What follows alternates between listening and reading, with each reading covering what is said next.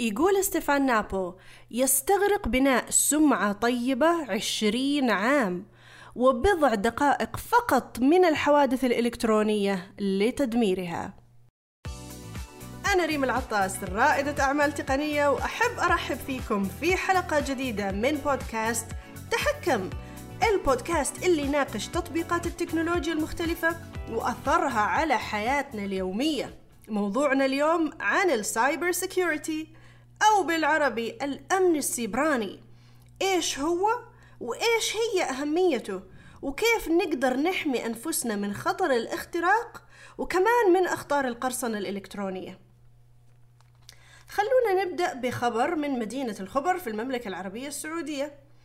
يقول إن طفل عمره 11 سنة هكر منصة مدرسته الابتدائية بعد أن استغل ثغرة تتيح له مشاركة الشاشة وهذا الشيء خلاه يقدر يدير الفصل ويحط شعاره على السبورة وكمان يطلع المعلم من الشرح. ما شاء الله تبارك الله. أنا بصراحة أشوف أن الولد هذا بسم الله ما شاء الله ثروة قومية ولازم موهبة تتمناه مو تتمناه تتبناه. حتى في مغردين على تويتر وصفوه بالعبقري المزعج. اسم الله عليه يستاهل ما شاء الله. طيب ودنا نسمع تعليقاتكم على هذا الخبر وكمان نبغاكم تصوتون بالإجابة على هذا السؤال. يا ترى يا هل ترى هل تعرضت للتهكير من قبل؟ طبعا التعليقات والتصويت راح تكون على المدونة وقنوات ال social media اللي راح تلقون روابطها في ال description box وممكن كمان تستخدمون hashtag podcast underscore تحكم. أنا شخصيا راح أبدأ التصويت وأجاوب بنعم للأسف الشديد تعرضت للتهكير مرتين. مرة على إيميلي حق ال Hotmail ومرة على حسابي حق موقع التسوق آه Walmart بالنسبة للطلبة المبتعثين والأشخاص اللي زاروا أمريكا أكيد يعرفون Walmart وأكيد أنه في ناس كثيرة تقضت منه واشترت منه أغراض. فأنا كان عندي حساب على ال Walmart تهكر وبعد هذه الحادثة تهكر على طول إيميلي حق ال Hotmail وأتوقع إن سبب الاختراق في المرتين هذه هو سهولة ال password. ليش؟ لأنها كانت في تلك الفترة كلها أرقام. غير إن المصيبة الكبرى ال password كانت نفسها لحسابي حق ال Walmart وحسابي حق ال Hotmail آه هذا الكلام طبعا كان قبل عشر سنين مو الحين ف please لا حد يحاسبني يعني ويقول لي ليش تسوين غلطة زي كذا؟ ترى هذا الكلام كان قبل عشر سنوات. طبعا ال password لازم يكون فيها حروف أرقام كبيرة مو بأرقام كبيرة أرقام معلش حروف كبيرة وحروف صغيرة اللي هي upper case and lower case letters ويكون فيها كمان رموز خاصة أو special symbols. والأفضل أن طول ال password يتراوح بين 12 و 15 حرف. وبالنسبة للأشخاص اللي ما تحب تستخدم الأحرف الكبيرة أو الرموز الخاصة نحب نقول لكم أن ال password الطويلة المكونة من أحرف صغيرة وأرقام فقط هي أقوى من ال password القصيرة اللي تحتوي على جميع أنواع الرموز سواء كانت uppercase letters lower case letters ورموز خاصة. وبالنسبة لاستخدام الأحرف الصغيرة والأرقام فقط هذا يسهل على الشخص تذكر ال password الخاصة فيه. بدل ما يحاول يتذكر أنا حطيت هنا upper case أنا حطيت هنا special character. نقول له حط شيء أنت تقدر تتذكره بس الناس ما تقدر تحزره يعني لا تحط تاريخ ميلادك لا تحط تاريخ زواجك لا تحط فريق الكورة اللي أنت تشجعه مثلا وتغرد عليه كل يوم والثاني. وأفضل حل للناس اللي دائما ينسون ال password اللي طبعا للأسف الشديد أنا منهم هو استخدام مدير لل password علشان ينظم كلمات المرور ويخزنها بشكل آمن. وبعض هذه البرامج تسوي backup لل passwords وكمان تسوي مزامنة أو synchronization عبر أنظمة متعددة تكون أنت تستخدمها دائما وبالرغم من أننا ما نوصي ببرنامج إدارة passwords معين لكن خلونا نشوف أمثلة على برامج إدارة ال passwords المجانية. في عندنا شيء اسمه LastPass وفي شيء اسمه KeePass مو key مفتاح ال spelling حق مفتاح لا key it's K E E password وفي Keeper وفي Password Safe وفي Dashlane حتلاقون الروابط وإضافة إلى ذلك وصف لهذه البرامج في المدونة الخاصة بتحكم اللي راح نحط لكم ال link حقها في ال description box طبعا إحنا الحين تكلمنا عن ال passwords وتكلمنا عن أشياء متعلقة بال passwords بس لسه ما عرفنا إيش هو الأمن السيبراني ولا تكلمنا عن أهميته وكيف يلامس جوانب حياتنا اليومية. لذلك رحبوا معنا بالأستاذ تركي نتو المشرف التربوي ورئيس قسم التدريب الإلكتروني في تعليم مكة المكرمة ومدرب الأمن السيبراني. والسؤال الأول اللي شاغل ناس كثيرة يعني إيش أمن سيبراني؟ جميل جدا. إيش أمن سيبراني؟ الأمن السيبراني آه هو تحول لمسمى الأمن الأمن المعلومات. نحن نقول أي أي جهاز كمبيوتر أو أي تقنية موجودة لا تتصل بالإنترنت فنحن نقول عنها أمن معلومات. وإذا كانت متصلة بالإنترنت فتحول المسمى من أمن معلومات إلى أمن سيبراني فنحن بنقول إنه الأمن السبراني هو عبارة عن الفضاء المعلوماتي. اما لما أجي أقول الأمن السبراني بأبسط تعريف موجود عندي وجدته في الكتب ووجدته في الإنترنت هو عبارة عن مجموع من الوسائل التقنية والوسائل التنظيمية والوسائل الإدارية. طيب ليش أنا جايب الت... جايب هذه كل الوسائل التقنية والتنظيمية والإدارية؟ لحماية الشبكات وأنظمة التقنيات وما تحويه من بيانات من أي اختراق أو تعطيل أو تعديل أو دخول أو استخدام أو استغلال غير مشروع. طيب ممتاز. يعني حضرتك دوبك ذكرت إنه في عندي أمن المعلومات وفي عندي الأمن السيبراني. والأمن السيبراني زي ما حضرتك تفضلت أشمل من أمن المعلومات. طيب نعم. معنى هذا إنه الأمن السيبراني يرتبط بجوانب أخرى في حياتنا اليومية. يعني مثلا هل هناك يعني المخاوف حقت استخدام الشبكات العامة أو اللي نسميها بالإنجليزي ال public Wi-Fi هل هي جزء من الأمن السيبراني؟ اثرتي موضوع جميل جدا. الشبكات العامة شبكة المطارات شبكة الكافيهات شبكة المولات شبكة الفنادق هذه كلها تعتبر شبكات عامة. تمام؟ هذه الشبكات العامة أنا ممكن أوصل عليها جهازي أو جوالي. تمام؟ لكن لا أدخل عن طريق هذه الشبكة إلى حساباتي الخاصة التي التي تطلب مني يوزر نيم وباسورد. أي حساب يطلب مني username و password على طول اشيء أفصل عن الشبكة هذه وأشبك على شبكة الجوال حقتي اللي هي ال private وأخرج من شبكة ال public الموجودة عندي. المشكلة إن تعرضت الناس للسرقه خارج البلاد عندما استاجرت فنادق ودخلت على صفحتها في البنك عشان تدخل على صفحة الأسهم. يستطيع أي أحد من التقنيين الموجودين في الفندق إنه يدخل على جهازي وممكن يحول أموال من جهازي من حسابي إلى حسابه بدون آه، بدون يعني آه، أي إشكاليات موجودة.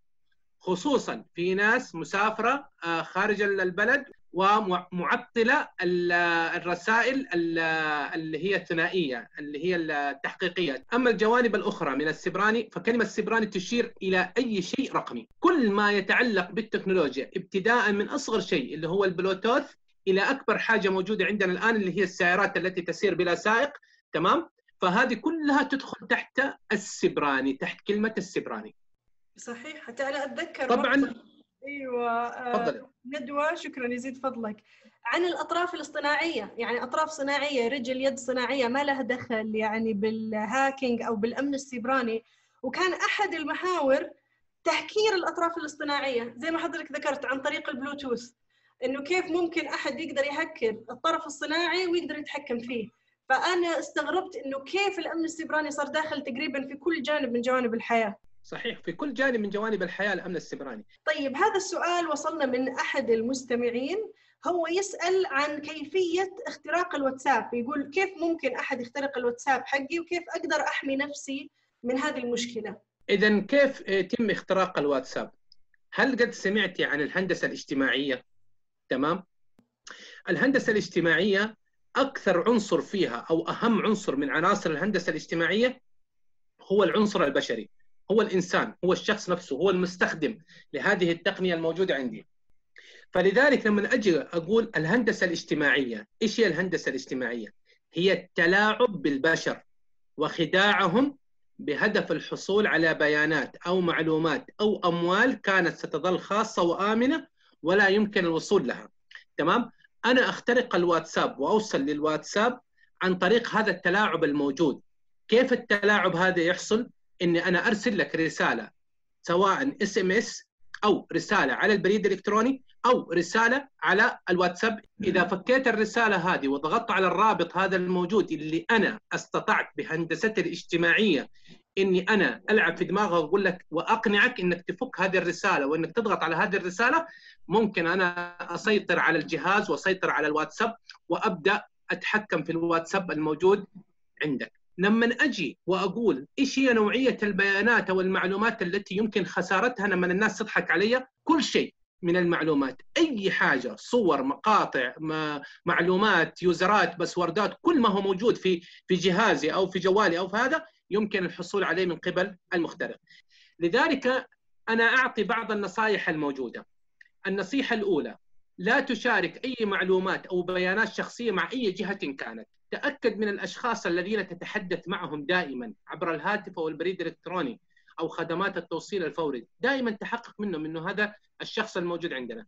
مشكلتنا إحنا في الهندسة الاجتماعية أنا لما أرسل لك رسالة وأقول لك ترى أنا محتاج منك 5000 ريال أباك ترسلي لي إياها.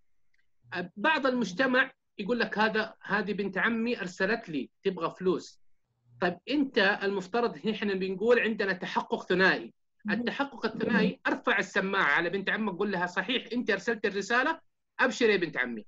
تمام؟ لكن نحن تأخذنا النخوه وتأخذنا الكرم ويأخذنا القيم المجتمعية الموجودة عندنا فيقول عيب إن أتصل عليها. على طول بحول الفلوس. فيكتشف بعدين إنه حول الفلوس للمخترق اللي اخترق الواتساب حق ولد حق بنت عمه ولا ولا, ولا حول لها الفلوس الموجودة عنده. وكثير منهم راحت أموالهم بهذا الكلام. في النهاية المخترق هذا يبغى يبغى حاجتين. فيبغى يا يبغى معلومات توصل الحسابات البنكية أو يبغى, أو يبغى مال. تمام؟ فهذه الإشكاليتين الموجودة عندنا. لذلك آه، عندما يتم آه، تهكير الواتساب أنا أول نصيحة أقولها دائما بلغ الشرطة. ليش تبلغ الشرطة؟ تبليغ الشرطة لل... لل... لل... للإطمئنان فقط لا غير. تمام؟ للتحذير للحذر فقط لا غير. إنك أنت تكون بلغت الجهة الأمنية الموجودة. المشكلة في تبليغ الجهة الأمنية. بعضهم لما يتصل على الجهة الأمنية يقول له الواتساب حقي راح أبغاك ترجع لي إياه. آه. طبعا العسكري اي العسكري ما عنده صلاحية. يقول له هذا مو شغلنا. شوفي الجواب هنا خلاص هو أخذ آخر كلمة أبغاك ترجع لنا إياه. يقول له هذا مو شغلنا. قل له أنا أبغى أسوي بلاغ عن عن اختراقي للواتساب تمام؟ احترازيا أو امنيا عشان لو هذا اللي اخترق الواتساب أخذ أو سحب فلوس من الناس لغسيل الأموال أنا أكون يعني أديتكم خبر وعندكم خبر إنه مو أنا إنه هذا واحد اخترق حسابي. ثم بعد كده هو الشخص نفسه المستخدم يتواصل مع شركة الواتساب وخلال تقريبا ما بين سبع ساعات إلى ثلاثة أيام الشركة ترجع له الواتساب بعد ما تتحقق إنه الهوية الموجودة عنده. ولكن خلال السبع ساعات إلى ثلاثة الأيام لابد أن يكون أنا مبلغ الشرطة بأحد الوسائل الموجودة يا بالاتصال أو بالذهاب لهم. أو باستخدام تطبيق كلنا أمن. آه، إضافة إلى ذلك بعد ما رجع الواتساب إنه لازم أسوي التحقق بخطوتين. ممتاز وكثير الشروحات الموجودة. أكيد. والحرص واجب. وفي كمان عندنا سؤال يا أستاذ تركي عن اختراق الهواتف عن طريق المكالمات الهاتفية. يعني مؤخرا صارت تجينا مكالمات من المالديف بالرغم من إنه مثلا إحنا ما نعرف أحد في المالديف أو من إثيوبيا ونفس الشيء ما يكون عندنا أحد هناك. فهل فعلا يمكن اختراق الهواتف عن طريق المكالمات الهاتفية؟ وهل هذا الشيء يندرج تحت الهندسة الاجتماعية اللي حضرتك ذكرته قبل شوية؟ نعم نعم لا يمكن اختراق الهاتف إلا عن طريق الهندسة الاجتماعية. إنه أنا أتصل عليك وأبدأ اتحدث معك وتعطيني بعض البيانات الموجودة عندك. فكل ما أخذت منك بيان أنا استطعت إني أتحصل وأتحصل على بيانات أكثر وأستطيع إني أهكر الجوال أو أهكر بقية الحسابات الموجودة عندك. صحيح. دائما نرجع نقول الحرص واجب. أستاذ تركي أبغى أسأل حضرتك عن أكبر خطر أمن سيبراني يحدق فينا اليوم. ومين هي الفئة المعرضة لهذا الخطر بشكل أكبر؟ شوفي أكبر خطر سيبراني اليوم هو بياناتنا الموجودة في مواقع التواصل الاجتماعي. هذا أكبر خطر موجود. يعني اليوم إحنا كتاب مفتوح للآخرين على الإنترنت. أنا دائما أسأل نفسي السؤال هذا بياناتي فين؟ أنا يا بكتب أفكاري في الفيسبوك أو بصور في السناب أو بغرد عن طريق تويتر أو براسل عن طريق الواتساب. إذا أو بكون منجز أعمال عن طريق الإيميل. في النهاية هذه موجودة فين؟ ومن المستفيد؟ فهذا أكبر خطر موجود. فلذلك أنا دائما أقول احفظوا بياناتكم. ولا تلقوا بها في وسائل التواصل الاجتماعي بهذا الكبر الموجود عندي. أكيد. حضرتك كمان ذكرتني بالحادثة اللي صارت لكيم كارداشيان في فرنسا. لما عرفوا الحرامية أنها موجودة في الأوتيل الفلاني في المكان الفلاني في الوقت الفلاني ودخلوا سرقوا المجوهرات حقتها. كله من وراء سنابة نشرتها. صحيح. كمان أبغى أسألك برضو سؤال مرتبط هنا بالنشر المعلومات على شبكات التواصل الاجتماعي. دائما نسمع عن تحديات مثلا حط صورتك قبل عشر سنوات أو استخدم الابلكيشن هذا علشان تشوف كيف شكلك حيصير بعد عشر سنوات. هل ممكن هذه الصور أو المعلومات اللي أنا أحطها في تحديات قد تبدو سخيفة لوهلة؟ ممكن تستخدم استخدامات لها علاقة بالأمن السيبراني أو مثلا باختراق شيء معين في المستقبل؟ آه صحيح. التطبيقات اللي نزلت قبل فترة حتى حذرت منها هيئة الأمن السيبراني نزلت تحذير خصوصا التطبيق اللي هو ال FaceApp اللي هو آه، صور لي وجهك أو اديني صوره لوجهك وأنا أعطيك عمرك بعد 20 سنة و30 سنة موجود عندي. تمام؟ اليوم إحنا نعرف إنه إنه جوجل إذا إذا اديت الصورة أو وريت الصورة تمام؟ بيعطيك معلومات مفصلة عن المدينة أو الشخص أو المكان اللي موجود اللي اللي يتواجد فيها صاحب هذه الصورة. اذا أنا آه، سبرانيا أنا ممكن أتعرض لهجوم خصوصا إذا كنت مسؤول أو إذا كنت آه، عالم. فالناس تقدر توصل لي بشكل سريع جدا عن طريق الصورة هذه اللي أنا آه، شلتها عن مواقع التواصل الاجتماعي. طبعا هذه هذه النقطة الأولى. النقطة الثانية الصورة هذه فين تحفظ؟ ومن يستخدمها؟ ممكن تستخدم في جريمة ممكن تستخدم في آه، في تزوير. فلذلك دائما زي ما بتقولي آه، الحذر الحذر الحذر. آخر سؤال معانا اليوم. لو جاك شخص وقال لك يا أستاذ تركي أنا بصير هاكر. كيف راح تكون ردة فعلك؟ وإيش راح تقول للشخص هذا؟ اليوم الهكر لم يصبح اسمه هكر في القانون السعودي وإنما اسمه مجرم إلكتروني. فلذلك النصيحة اللي أديها أقول لا تصير هكر لأنك اليوم ما أنت هكر أنت مجرم أمام الجهات المعنية. طيب لو جاك وقال لك أنا أبغى أصير اثيكال هاكر ولا هاكر أخلاقي؟ أيوه الهاكر الأخلاقي يتميز بمميزات. إيش الميزة الأولى؟ إنه حاصل على دورات. وريني دوراتك. وريني تعهداتك اللي كتبتها. في تعهدات تكتبها أنت مع الهيئات والشركات إنك هاكر أخلاقي. الدورات اللي أخذتها إنك تصير هاكر أخلاقي. لأنه الهكر أربع أنواع. يا هكر أخلاقي يا هكر إيه، هذا يسموه القبعة البيضاء. أو هكر رمادي. اليوم معلش سامحيني دكتورة أنت اليوم تعرضت لإختراق.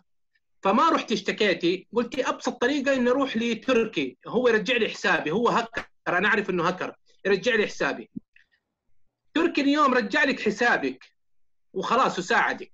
تمام؟ لكن نهاية الشهر تركي ما عنده فلوس. اتصل عليك يقول لك ترى حولي لي فلوس ولا أنا أنا أنا أخترق حسابك. اذا هنا بدأ الابتزاز. فلذلك يقول لك الهكر الأخلاقي لابد إنه يعني يكون يتميز بأخلاق ويكتب تعهدات ويحصل على شهادات ويكون آه، ومسجل في منظمات. مو أي واحد يقول أنا هكر أخلاقي. مو أي أحد يكتب في تويتر يقول أنا هكر أخلاقي. لا له مميزات الهكر الأخلاقي هذا. أستاذ تركي شكرا جزيلا على المعلومات القيمة اللي اثرت فيها حلقتنا اليوم. شكرا لك جزاك الله خير. شكرا لكم جميعا أخواني وأخواتي جميعا. وبكذا نكون وصلنا لآخر حلقتنا اليوم. يا رب تكونوا انبسطتوا معانا واستفدتوا من الحلقة. إذا عجبتكم الحلقة شيروها وإذا كانت عندكم أي أسئلة لا تترددوا في التواصل معنا عبر وسائل التواصل الاجتماعي وعبر المدونة الخاصة بتحكم ونتمنى نشوفكم في الحلقة الجاية. مع السلامة.